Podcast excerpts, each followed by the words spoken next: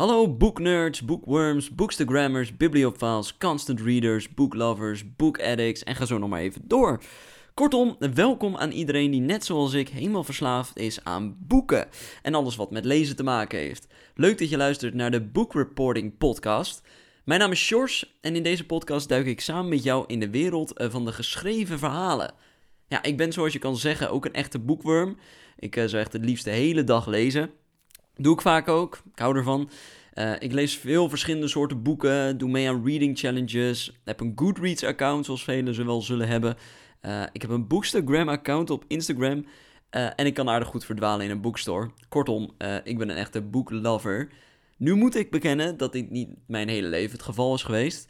Als kind las ik veel verhaaltjes natuurlijk uit Disney boekjes. Maar tijdens mijn middelbare schooltijd zag ik lezen meer als een soort verplichting vanuit school. Uh, ik deed het omdat het gewoon moest. In deze tijd werden gelukkig wel de Harry Potter boeken uitgebracht. Uh, die ik dan wel weer las. Maar omdat ik die niet mocht gebruiken voor school. En die boeken maar eens in het jaar uitkwamen. las ik nou niet echt veel meer dan dat. Pas na de middelbare school, toen ik echt zelf boeken ging ontdekken die ik interessant vond. werd de boekworm in mij losgelaten. Uh, ik lees op dit moment ook heel erg veel voor mijn werk. Ik ben journalist voor de radio en lees vaak boeken die bij ons worden besproken in het programma. Zo ben ik altijd op de hoogte van de laatste grote releases. Uh, en in mijn vrije tijd lees ik eigenlijk van alles. Dit gaat van fantasy naar biografie, van horror naar historische romans. Echt van hot naar her. Elk genre heeft wel iets wat mij aanspreekt. Uh, ook heb ik een vriendin die heel erg van lezen houdt. En uh, daardoor proberen we ook altijd een beetje te stimuleren om te blijven lezen. ik kan met haar ook echt bespreken wat ik op dat moment aan het lezen ben, welke boeken ik leuk vind. We hebben samen een Instagram-account, genaamd Book Reporting. Uh, die hebben we opgezet. En daarin delen we de boeken die we op dit moment aan het lezen zijn. En zo proberen we elkaar gewoon een beetje aan het lezen te houden. Um, en dat is eigenlijk ook een reden waarom ik deze podcast ben begonnen. Zoals gezegd lees ik erg veel boeken uit verschillende genres. Nou ja, ik kan natuurlijk met mijn vriendin altijd praten over de boeken die ik lees. Maar zij leest ook niet altijd hetzelfde als ik. Ik uh, merkte daarom dat ik soms echt behoefte heb om uh, met iemand te praten die hetzelfde boek heeft gelezen als ik. Uh, ja, je kent het gevoel wel. Uh, je hebt een boek uit, het verhaal is klaar, maar voor jou is het gewoon nog niet helemaal klaar. In je hoofd beleef je het verhaal nog een keer en koester je de band, je hebt opgebouwd met personages en je wil gewoon nog niet dag zeggen en je wil gewoon praten over de bepaalde dingen. En op dat moment wil je gewoon met iemand praten die het boek ook heeft gelezen. Je wil weten wat een ander daarvan vindt, eh, zodat je zelf misschien ook weer een nieuw perspectief krijgt over het boek. Maar ja, het probleem is, die ander is niet altijd in de buurt, want ja, niet iedereen in je omgeving leest dezelfde soort boeken. Nu hoor ik je denken, nou ja, waarom sluit je je dan niet gewoon aan bij een boekclub? Ja, goed punt. Maar door mijn werk en de drukte in mijn leven heb ik helaas niet echt tijd om me bij zoiets aan te sluiten. Vind ik heel erg jammer. Maar dat betekent niet dat ik het daarbij ga laten natuurlijk. Zoals gezegd eh, werk ik dus voor de radio. En toen dacht ik, waarom maak je niet gewoon een radioprogramma over boeken? En eigenlijk veranderde dat idee snel in, waarom maak je niet een podcast over boeken? Nou ja, en hier ben ik dan met de eerste aflevering van de Book Reporting Podcast. Tijdens deze podcast wil ik het dus vooral gaan hebben over boeken. Ik wil graag met je delen wat ik op dit moment aan het lezen ben en wat ik ervan vind. Maar ik wil ook graag mijn gedachten met iemand delen. Dus ik ben vooral benieuwd wat jij van bepaalde boeken vindt. Uh, wat deed bijvoorbeeld een bepaald boek met je? Vond je het leuk om te lezen of juist niet? Zette het boekje aan het denken en bleef het verhaal nog heel lang bij je? Of was het zo weer weg? Ik wil het eigenlijk allemaal weten. Want wellicht heb jij wel dingen opgemerkt in het boek die volledig aan mij voorbij zijn gegaan. Uh, of heb je waarschijnlijk een boek gelezen die ik nog helemaal niet gelezen heb en die ik moet hebben volgens jou. Let me know. Kortom, ik hoor heel graag van jou. Je kunt me bereiken door een comment achter te laten op iTunes of een mail te sturen naar bookreporting.hotmail.com. Uh, ook heb ik dus een Instagram-account wat je kan volgen. Dat is uh, bookreporting, zoek er even op. En hopelijk komen we zo met elkaar in contact en kunnen we onze ervaringen met boeken delen. Nou ja, naast te vertellen wat ik op dit moment allemaal aan het lezen ben, wil ik in deze podcast ook focussen op nieuwe releases van deze maand. Zo probeer ik altijd op de hoogte te blijven van de laatste bestsellers die uitkomen. En zo nu en dan, als het allemaal mee zit, zal ik dit ook gepaard laten gaan met een interview met de auteur van een nieuw uitkomend boek. Uh, ik doe dit in samenwerking met verschillende uitgevers die mij de kans geven om een nieuwe werk te lezen. En dus ook de kans om even kort met de auteur van deze boeken te spreken. Erg leuke kans natuurlijk. Zorgt voor heel veel leuke gesprekken. En deze gesprekken wil ik ook heel graag delen via deze podcast, zodat jij dat ook kan horen. En voor deze eerste aflevering wil ik eigenlijk meteen beginnen met zo'n interview. Uh, want ik sprak vorige maand met de Noorse auteur Samuel Björk. Ehm, hij staat is bekend van het eh, overdonderende succes van zijn eerste twee boeken Ik reis alleen en De doodsvogel. Eh, en dit jaar brengt Björk zijn derde boek uit, De jongen in de sneeuw. Dit is het derde deel in zijn crime-serie over detectives Holger Munch en Mia Kruger. Nou, Ik reis alleen verscheen in 2015 in de Nederlandse boekhandels en was meteen een heel groot succes. Het boek kreeg van verschillende media, waaronder de Volkskrant en de Telegraaf, vijf sterren. En het uh, vervolg, De Doodsvogel, werd eigenlijk met evenveel lof ontvangen. En nu verschijnt dus deze maand, uh, oktober 2018, het derde deel in de serie. En ter ere van deze release werd ik uitgenodigd door uitgeverij Luiting Seithof om met Björk te komen praten over zijn nieuwe boek De Jongen in de Sneeuw. Even een waarschuwing voor lezers die Ik Reis Alleen en de Doodsvogel nog niet hebben gelezen. Het interview kan wat spoilers bevatten. Dus mocht je ze nog niet gelezen hebben, dan zou ik even het interview overslaan en naar mijn persoonlijke review van De Jongen in de Sneeuw skippen. Die is namelijk wel spoilervrij. Maar als je de boeken gelezen hebt, kan je natuurlijk gewoon blijven luisteren. En als je nog niet gelezen hebt, zou ik zeggen, doe dat lekker, want het zijn gewoon hele leuke boeken om te lezen. Dus uh, heb je ze nog niet gelezen? Skip even het interview, ga naar mijn review. Heb je wel gelezen, blijf lekker luisteren. Oké? Klaar voor? Mooi. Dan nu mijn interview met de Noorse schrijver Samuel Björk over zijn nieuwe boek De Jongen in de Sneeuw. We ontmoeten elkaar in de bibliotheek van het Ambassadehotel in Amsterdam. So thank you for meeting me here. Thanks for having me. Yeah, we're here in a beautiful uh, hotel in Amsterdam. This must feel like home between the books. It does. I did my first interviews here uh, three years ago, and I was really fresh, and uh, the book has just come out, and and now I've been kind of traveling the world, and I'm back here. So it's been a, quite a journey. Yeah, I can imagine. Yeah, I'm I'm still quite amazed of all the success that the books have had. It came unexpected, right? It did, really yeah. unexpected. I was just sitting at home. I'd never written a crime novel before. And I was so tired of, you know, I was writing books and I got really good critics and no one was buying them, you know, so I was, I was thinking, oh, I was so tired of being broke. And I was, and I, I saw this competition for a crime novel in Norway and I thought, how, how hard can it be? So I decided just to give it a go and I, but I decided to, uh, I'll make myself a fake name mm-hmm. so I can be totally free, you know. So nobody will expect anything, nobody will know anything. It'll be a mystery writer, and I can do whatever I want. Yeah. And surprisingly enough, when I started writing, I really liked it. I loved the characters. Like, well, these people are interesting. What's going to happen? So, uh, but then I thought, you know, maybe I'll sell a few books in Norway and that'll be it. But suddenly it said, boom, and now everywhere. now you're traveling the world to uh, I am. publish your books. I am. Yeah. It must be weird. it is weird. yeah. I, I, I don't think I'll ever get used to it. Was your first books you've published under your own name? Yeah, my uh, my first uh, literary books uh, only in Norway. I published yeah. under my own name. Yeah. What kind of books were those? Because you said that it was my first crime novel. Yeah, but they were more like uh, young, experimental. I wanna explore writing books. You yeah. know.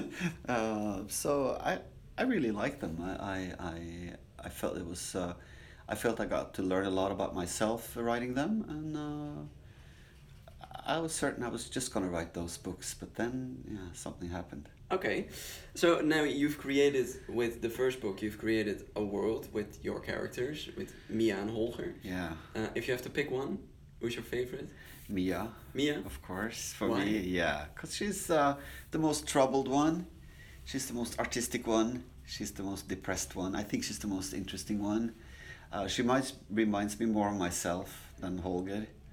I created Holger to have a sort of a counterpart that was solid, so that they would uh, do a good balancing act between them. Um, I mean, I like Holger as well, but you know, he's. Uh, I mean, she's more like me. So Holger is a little bit like Watson to Sherlock, little yeah, yeah, yeah. He's more calm and uh, he doesn't drink and he's very nice to everyone. Yeah, yeah. He has his problems, but he has his problems, but they're not too big. It's like a well, he he's divorced. Yeah, you know. But uh, in this book, something might happen with that. Yeah, I'm, I'm finishing it. I'm I not know, gonna. I'm not gonna tell. No, I know he's very troubled right now. He's he's, other, he's doing other things other than in the other books.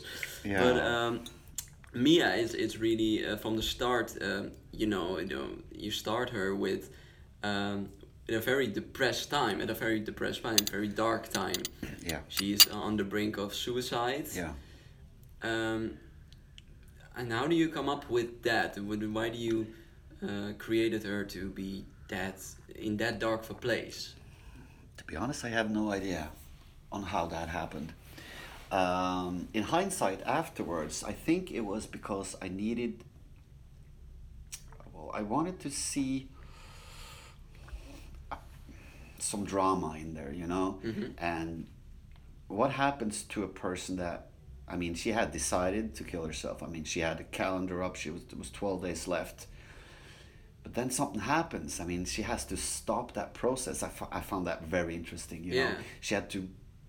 The case that was presented to her was so important to her that she actually decided to go and try to solve it. And to me, that said, "Do you really want to kill yourself?" Or you know, so I wanted I wanted her to explore that. Is life worth living or not? Uh, I, I found that very interesting. And that comes Yeah. back in part two. Yeah. Then she is um, she has lived uh, the the nightmare of having uh, to solve murders again. To uh, she's a very empathic person, so she really uh, gets into her uh, criminals and the victims' lives. So she is on the brink again in part two, but in your newest book, she's um, at the start of a new life. Yeah, she is Yeah. actually. Um, I, actually, that was uh, that was uh, some of my writers. They well, they keep uh, they keep. Uh, I have this page on Facebook, and they keep sending me wishes.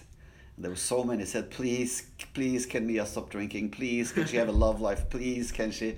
You know, and I thought, okay, I've I've I've written her depressed now for a couple of books. And let's try. Let's try in this book. I mean, let's me and her try to be positive and see what happens with that character in that more normal sense where she doesn't do all the drugs and she doesn't do all the alcohol see what happens to her and it was really hard to write Yeah, I must say it's really weird to read because was very hard to it's write very uncharacteristic. It's, yes It's like uh, a a whole different person. yes i wrote the book four times Four times. yes And then the hardest part was her. the hardest part was trait. definitely her the plot and everything no problem at all but her i have a really hard time writing her because she's so yeah i remember in the second book i tried to make her to go to the gym. I even researched the gym. I went to the gym myself. Again this is the gym she's going to. Chapter 8 mia goes to the gym. And she didn't want to go. No. i mean she sat down popped her pills started drinking said i don't want to go. So i had to change the whole book second book. She didn't want to go. So now this time I said okay well now we're going to try Yeah. but it was strange. It was it was it was hard to write, and and and you can almost feel it in the in the book, but she's she kind of doesn't feel like herself. She No. feels uncomfortable. She's like, "What am I doing here? What is this?" And it's creeping up on her. It is. It's like every time someone uh, drinks a beer next to her or everything, it's it's a strange thing for her. I mean, she was going to die. I mean, she had decided that she was going to die Yeah. and the world kind of keeps wanting her they want her abilities you know i mean you're so super can you please help us Yeah. but she doesn't get that much out of it No. you know but then she has this case with her sister and there's been some hinting and some oh, Yeah. what really happened and so Yeah. that kind of keeps her alive Yeah. You you you uh, closed up the the second part with a little bit tease, yes and it's uh, some her sister didn't just die. Yeah. She was murdered. Yeah. I'm not there yet, so I don't know if it's ha- how or it was happened. she or what yeah, I'm still there, but but um, it gives a, a, a whole new ring to the story. You don't know, okay, so it's not like she thinks it is, but um, when you start part three, she's like a whole different person, and you know something's gonna happen. Hmm, yeah You know, you know that happy life won't last. yeah or will it Yeah, that's you haven't finished. No.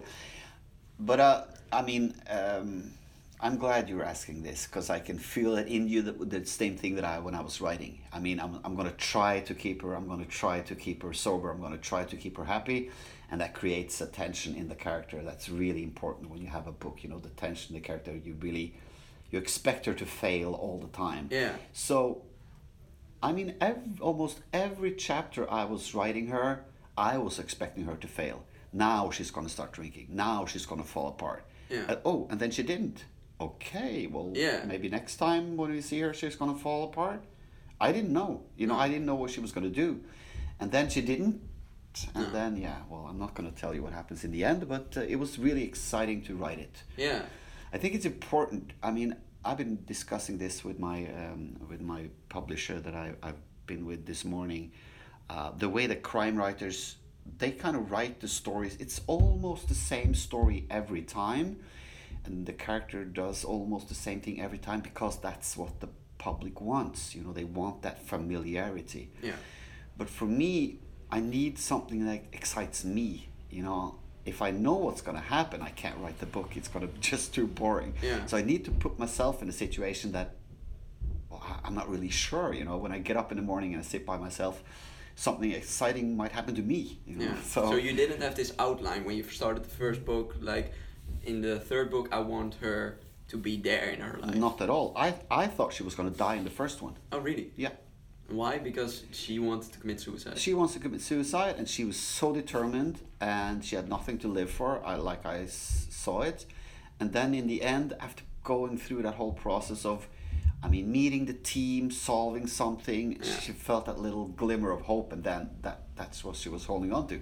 So when I was finishing the third book, no, the first book, I thought, no, no, she has to live now. yeah, but uh, it's interesting. You said um, when something bad happens to her, you expect her to fall back in the old pattern that, that she start drinking and popping pills. But uh, after the second book, she failed. At uh, for herself, she failed. She, the uh, Olger's daughter fell, yeah. um, and that's because she wasn't uh, at her top game. Yes. Um, but still, at the, at the start of the third book, you expect her to be on the brink again. But now you find her uh, on the other side, a little more, bit more positive, and I have to change things. Yeah. It's that's really weird for uh, for a character like that. I can imagine for Yeah. a writer, it can Yeah. be a hard decision to bring her there. yeah, like I said, took took a long time. I wrote I wrote her many many times, uh, but then what made me decide to uh, to to try to write her like this was uh, she has pride, Yeah, and she she felt that she failed so miserable, miserably helping her friend. I mean, her daughter nearly died, and so I I can't do this. You know, I I, I have to try to be a better person, and Yeah. that little thing, like Holger and Holger's daughter, was again that little straw that that kept her uh, stronger. Yeah, And she went to rehab. She had some help, and I felt she. Uh, I don't know. I, f- I, f- I felt she was doing pretty good actually. You Yeah. know. Yeah. I, I. Yeah. Some time had passed, and yeah. And uh, what I um, what I see in, in your characters, especially in Holger and Mia, it's family is important. Yeah. For Mia, it's her sister uh, and her parents, but her sister is her, her anchor. And for Holger, it's uh, his ex wife, his daughter, and his granddaughter, especially. Um, is that something that's important in your personal life? Absolutely. Yeah. Uh, of course, I would say, yeah. Um, I've, I've experienced a lot of stuff in my personal life that uh, that makes me appreciate family very much. Um, like everyone, I guess. Yeah.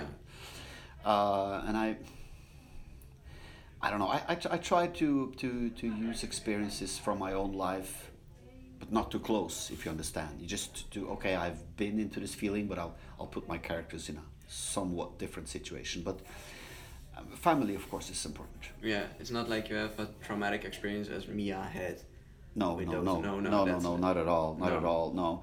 Well, I, I, kind of describe it good, so I, Yeah, yeah. I, I might have, but no, I haven't. No, okay. no, no. Well, that's good.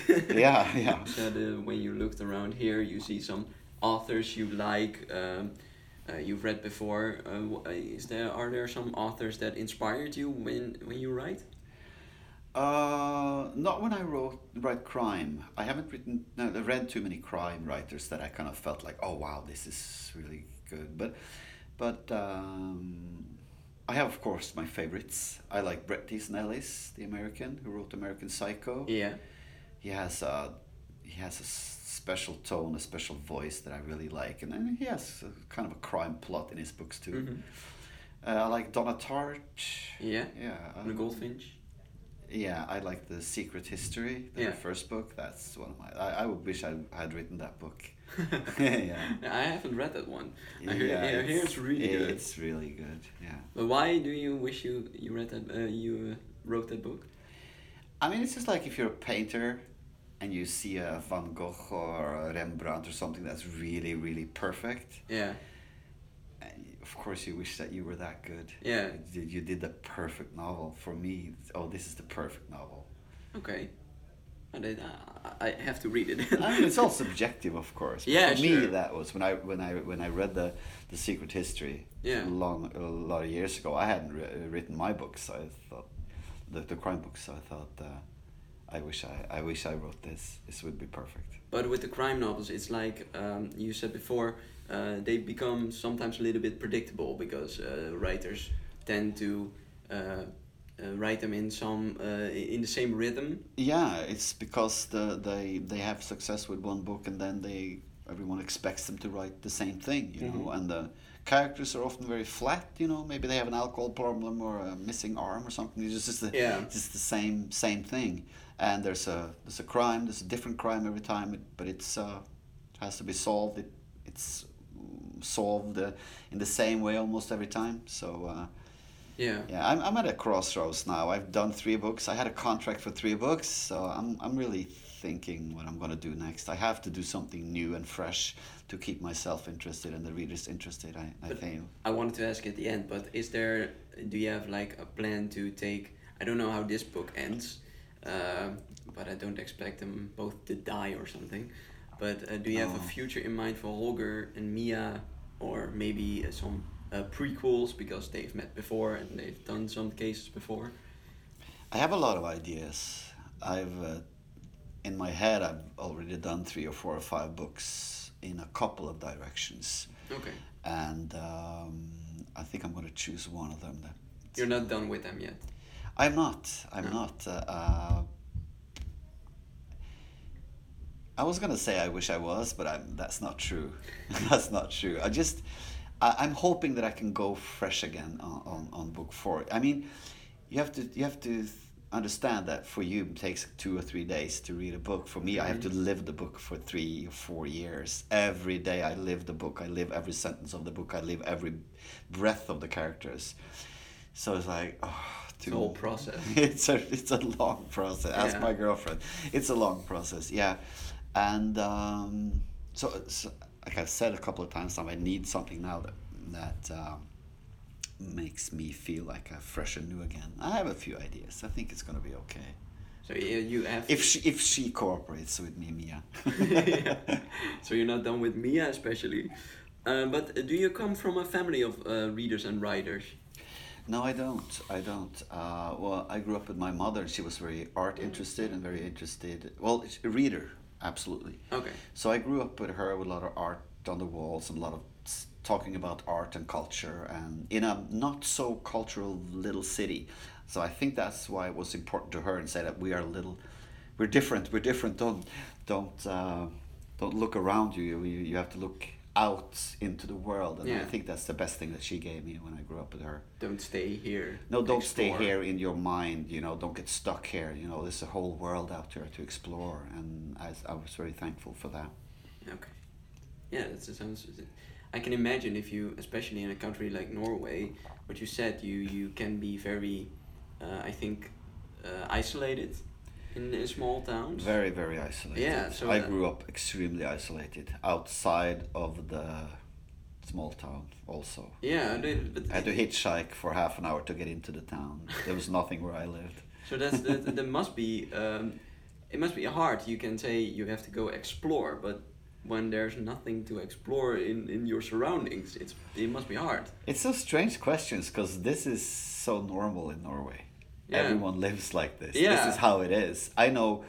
Uh, I was in the army. You have to be in the army. Well, I used to before. Uh, I was in the army up in Finnmark, up in Lapland, Mhm.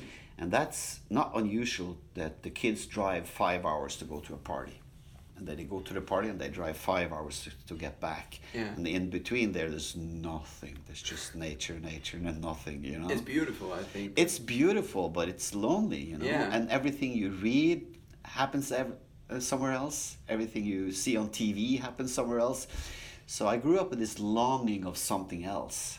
And I think, you know, looking back, I think that's a well for me that was a good thing because I I was like I was, I'm never gonna give up until I get what I want. You Yeah. know, uh, I'm not gonna stay here. There's only hundred people here. There's nothing here. There's one store which opens sometimes, and then there's nothing. No.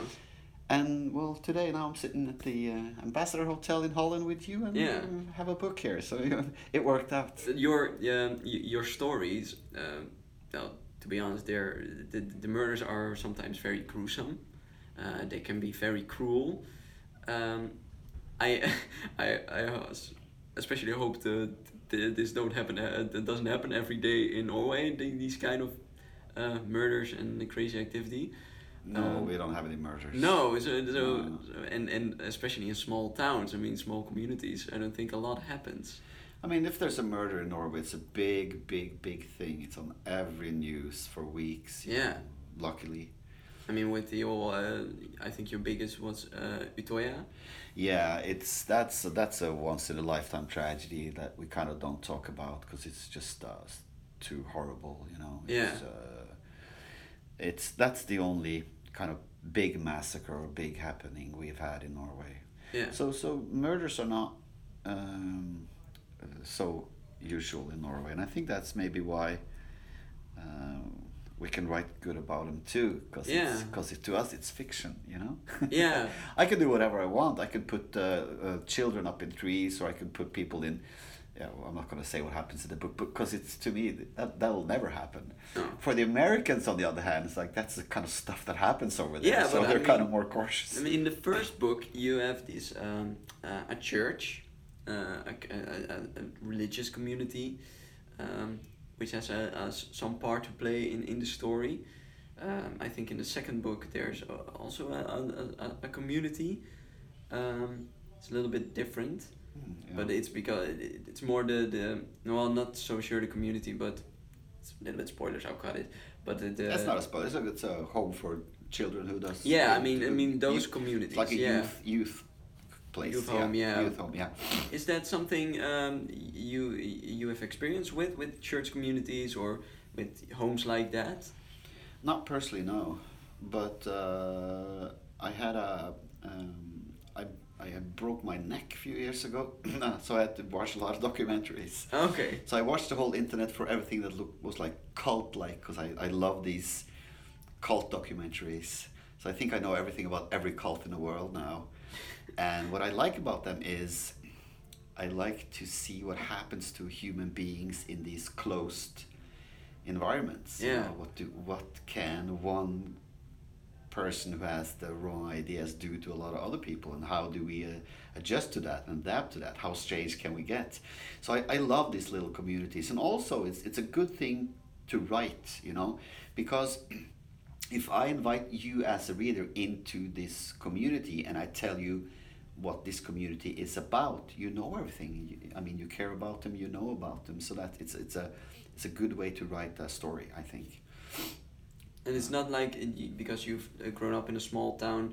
Uh, is, was that some kind of small community? No, I, I wish kind of there was a cult there or some strange stuff going on there. There was nothing going on. It was Oh, just okay. too boring all the time. So not everybody knew everybody and knew. Everybody everything. knew everybody, but everybody was super straight and super nice and Oh, super. okay. Yeah, it was just too boring. Yeah, it was it too was boring. boring. Yeah.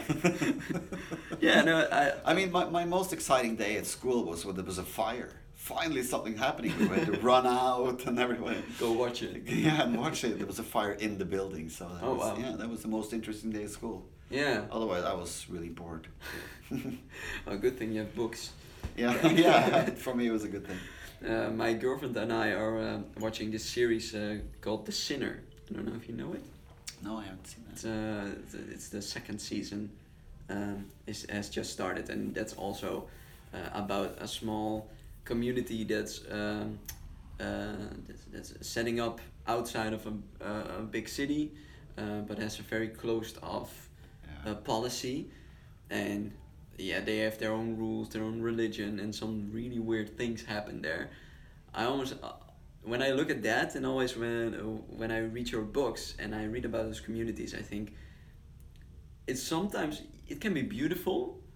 I mean, because people can can, um, yeah, we really live with each other and help each other and be a community. But it also can be very dangerous and weird. I know. I had a. I grew up having a wish of that I one day would find one of these communities, and that everybody was nice. You know, everything was just cool, great. Everybody had a good time. But then, I don't know why it doesn't happen. You know, all these communities. I I know I know so many people who have tried to live in these communities. And just now, I heard a story. Uh, is some friends of mine were moving up to this ecological place up in the mountains, Mhm. and they they got a space there because they just had to clear everyone out because they were fighting so much. Oh, know. really? Yes. Wow. And they were trying to who's gonna be the boss and who's gonna you know they're trying to kick each other out, and these were like just loving hippies trying to grow their vegetables, and they they managed to yeah screw the whole thing up because someone wants to be the chief, someone wants to decide, and like. So I've given that up, you know. I have to- Yeah. yeah. I'm a lonely writer now. I, I, I my community is just my girlfriend and my daughter. but you see that in your books. I mean, uh, the, the the youth home. When we get there, it seems like um, a, a very nice place where disturbed teenagers can uh, can uh, get back into society. But when we really get in there, it's like those the, the first thing you think those people are crazy. Yeah. That's the first thing you think. yeah. uh, especially with uh, the, the, the all the girls and the one guy, and they all think uh, he's in love with them, and Yeah. I think, yeah, it's it's really is that something you, um, like you said, you've seen in other communities like, um, that always happens that there's something goes wrong. I don't know what's wrong with humanity. That always happens. I mean, in every community, they start off so nice, and then, yeah, some some I don't know why they screw it up. It's about power and being. It is. It's about power and being number one and getting your ideas through, or being loved. I don't know. Are you getting the radio in the background? Uh, no, no, no, No. no, that's okay. I Yeah, I don't know. I don't know. It's just um, I love writing these things though. Uh, If I wish I could write a, a, a cult story every time. I, I wish I, I wish I could because I really love them. They're really, I, I must say, they're really creepy. When uh, when I first got to the the church, the, the, the in the first book, the the father in the church that almost drowns his, um, um I forget his name, but uh, think his name is Lucas. yeah, his number one follower, he, he drowns He's him. number one follower. Yeah, Yeah. and he, he calls himself God and and him Jesus.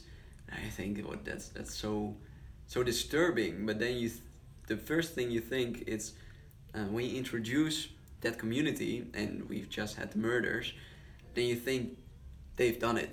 They're they're the reason because they're disturbed. There is something wrong there. But in the end, that's they have nothing to do with it in the first with the murders. And of course, what he does. In you're telling end- the story, but yeah. Yeah, yeah, yeah. I'll cut it. it doesn't matter. Yeah. No. Um, uh, I but I loved writing that scene. By the way. Yeah, it you, felt really cool. It felt like something. This is real. This is happening. I've never seen this before. Uh, when he he calls himself God and he says, "Do you want to see the devil?" Yeah. And he his. I mean, he's he loves him. I mean, this is kid who has no parents or bad parents or whatever, and he just turns up and he sees this. What do you call it? A preacher, and he wants to follow the preacher like a father, and then he he ends up just holding him underwater and said, "Do you want to see the devil? Do you see the devil? Do you see the devil?" yeah. It's really And disturbing. It's really disturbing. I loved writing that. I felt really, my blood was pumping when I was done. This is so cool. yeah, yeah, I can imagine that. Yeah, but it's um, it's like the, the your what we already told the the, the it's really gruesome imagery you have with with the trees and the the rituals and uh, now with your newest book the the stabbing in the heart. Um, I'm I'm almost I love it when Mia gets into a bar and um, talks everything in her head and and it's coming and you know it's coming but and then she gets disturbed by someone and you're like ah shit go go, back Go.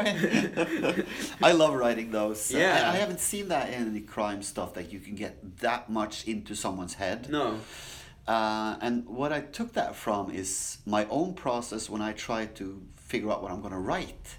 How does this, you know, because what I do when I write, I, it's like a mathematical puzzle for me. I don't really know what's happened.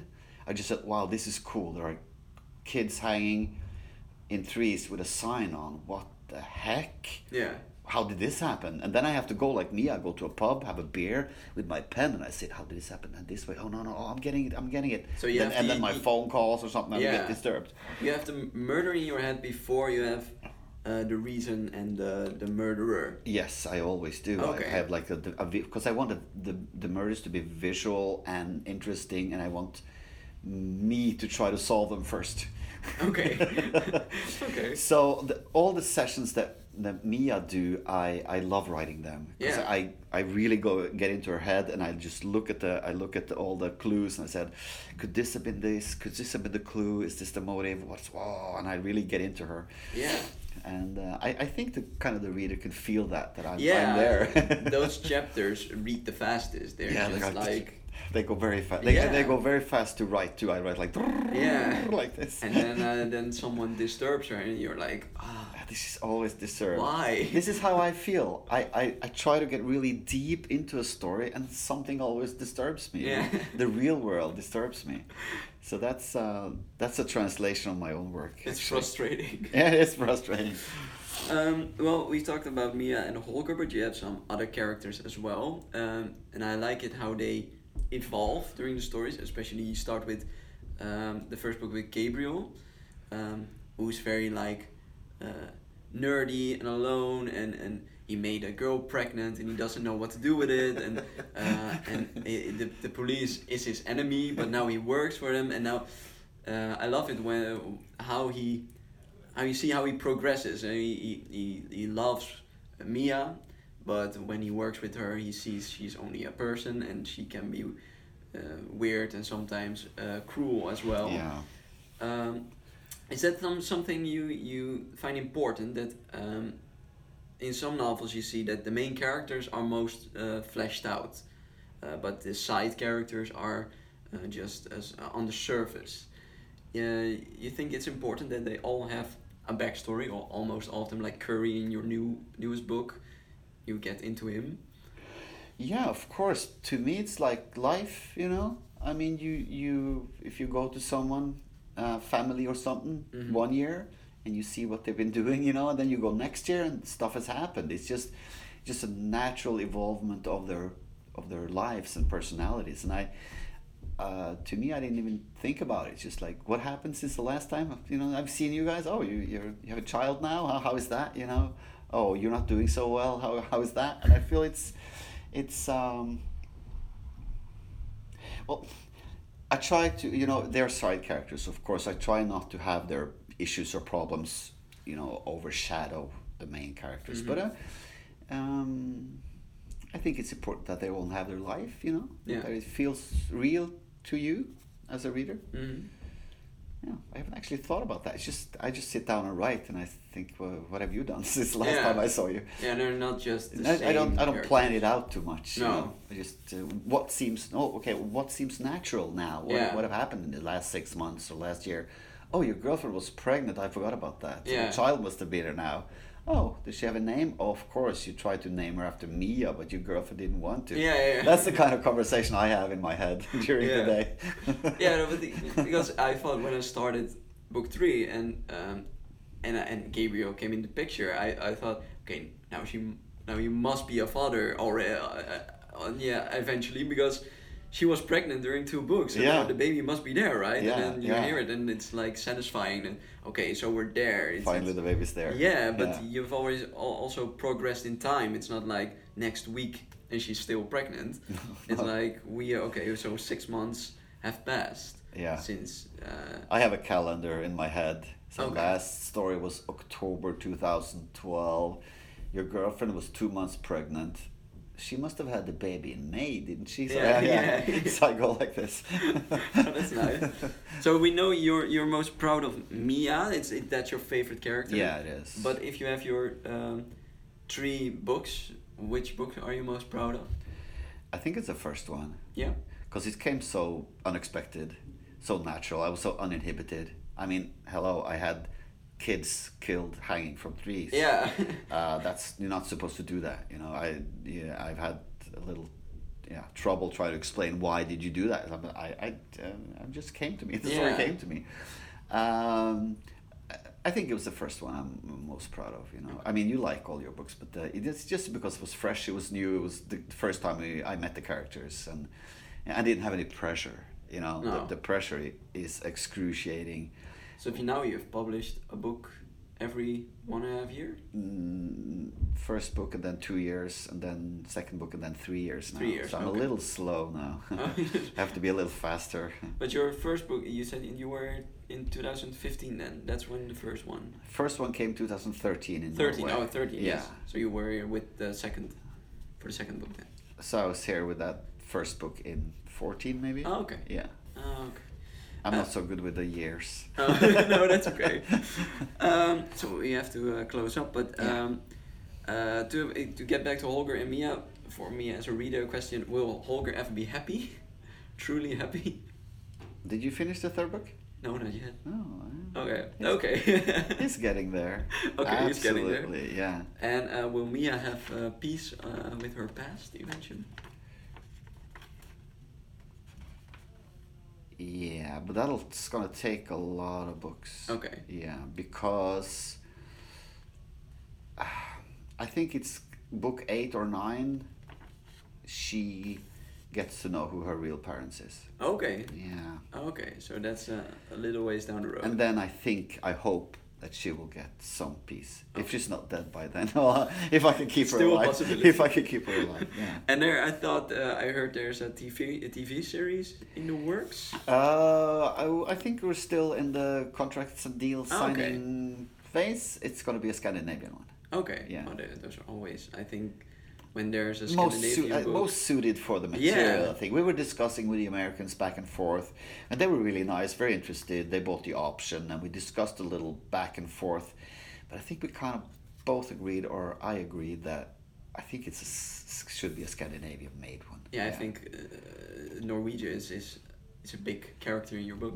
Yes. Norway, sorry. Yeah. Yeah. It's a, it's really a big character. So It is, to have it placed in the in the United States, it would be just not right. I think just maybe just be a basic normal crime. Yeah, yeah. Yeah. Well, thank you for your time. Yeah. Thank you for your interesting uh, questions. Ja, dat was dus Samuel Björk in het Ambassadehotel in Amsterdam. Die ik sprak tijdens zijn promotietour voor zijn nieuwe boek De Jongen in de Sneeuw. En nu wil ik graag eh, mijn persoonlijke review geven van dit derde deel in de crime-serie. Tijdens het interview had ik het boek nog niet helemaal uitgelezen, maar nu wel. En ik moet eerlijk bekennen dat ik eh, geen onderdeel was van de hype omtrent Björks eerste boek, Ik Reis Alleen, toen hij een paar jaar geleden uitkwam. Natuurlijk had ik wel meegekregen dat het boek een groot succes was, maar op dat moment trok het boek mij gewoon niet zo. Ik ben op eerste gezicht geen groot fan van crime novels. Dit vooral omdat ik het idee heb dat de boeken vaak nogal op elkaar lijken. Ik heb het wel geprobeerd, meerdere crime novels gelezen. Maar ik merk dat verschillende schrijvers een beetje eh, de neiging hebben om elkaar over te nemen. En hierdoor worden de verhalen soms wat voorspelbaar. Nou ja, desalniettemin ben ik dit jaar met volle moed begonnen aan de Holger Munch en Mia Kruger serie. En ik moet zeggen, viel me niet tegen.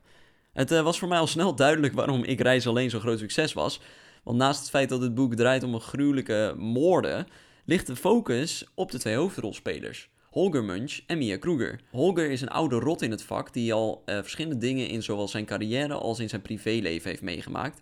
Mia Kruger is eigenlijk het jonge natuurtalent dat een paar jaar eerder door Holger is gerecruiteerd om een zaak op te lossen, wat uiteindelijk leidde tot het einde van Mia de carrière. Tenminste, zo leek het, daar gaat het boek verder. Maar om deze bizarre moorden uit de boeken op te lossen, worden de twee detectives herenigd en word je als lezer meegenomen in hun leven. We zien waar ze vandaan komen, wat voor pijn ze hebben moeten doorstaan en waar ze op dit moment naartoe willen met hun leven. Naast het feit dat alle drie de boeken draaien om een paar zeer verontrustende moordzaken, zijn Holger en Mia echt degene die het verhaal dragen. Eh, voor mij is Mia de fa- favoriete personage, omdat zij echt door de boeken heen een bepaalde evolutie doormaakt. Je leert haar kennen op een echt dieptepunt van haar leven, het moment dat ze niet meer verder wil. En door de boeken heen zie je haar eigenlijk een soort van terugvechten en terugkrabbelen op de positie waar ze wil zijn.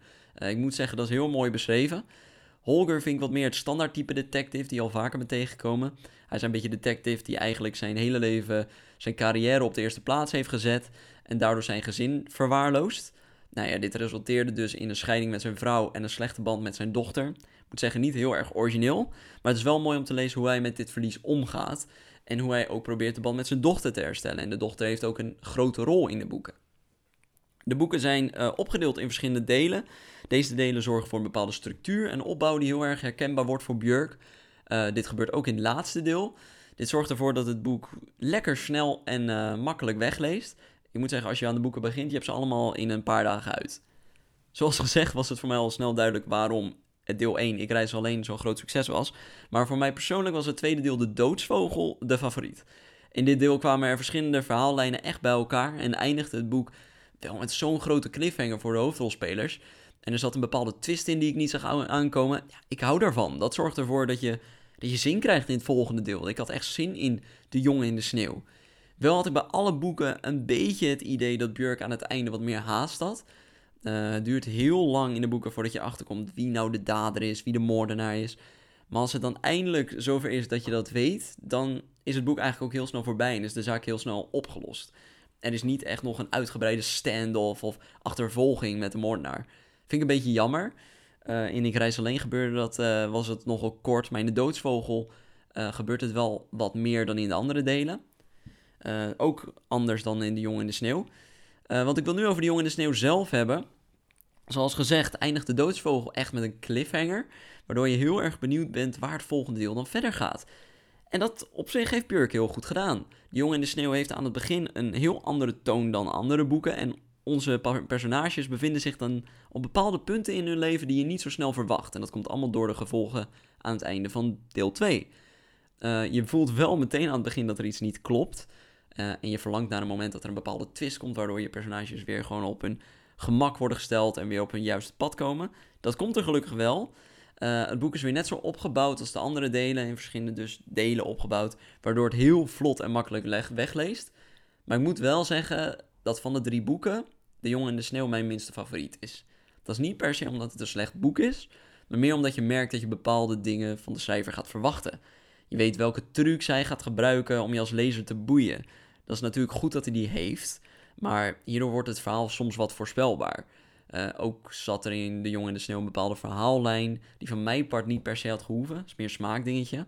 Ik snap waarom het erin moest, maar ik kreeg soms een beetje het gevoel dat die verhaallijn heel erg afleidde van het grote verhaal. Uh, het klinkt een beetje vaag als je het boek niet hebt gelezen, maar als je het leest weet je waarschijnlijk wel waar ik het over heb. Um, wat mij vooral opviel was dat Björk binnen vijf jaar drie boeken heeft uitgebracht, waarvan De Jongen in de Sneeuw dus het derde.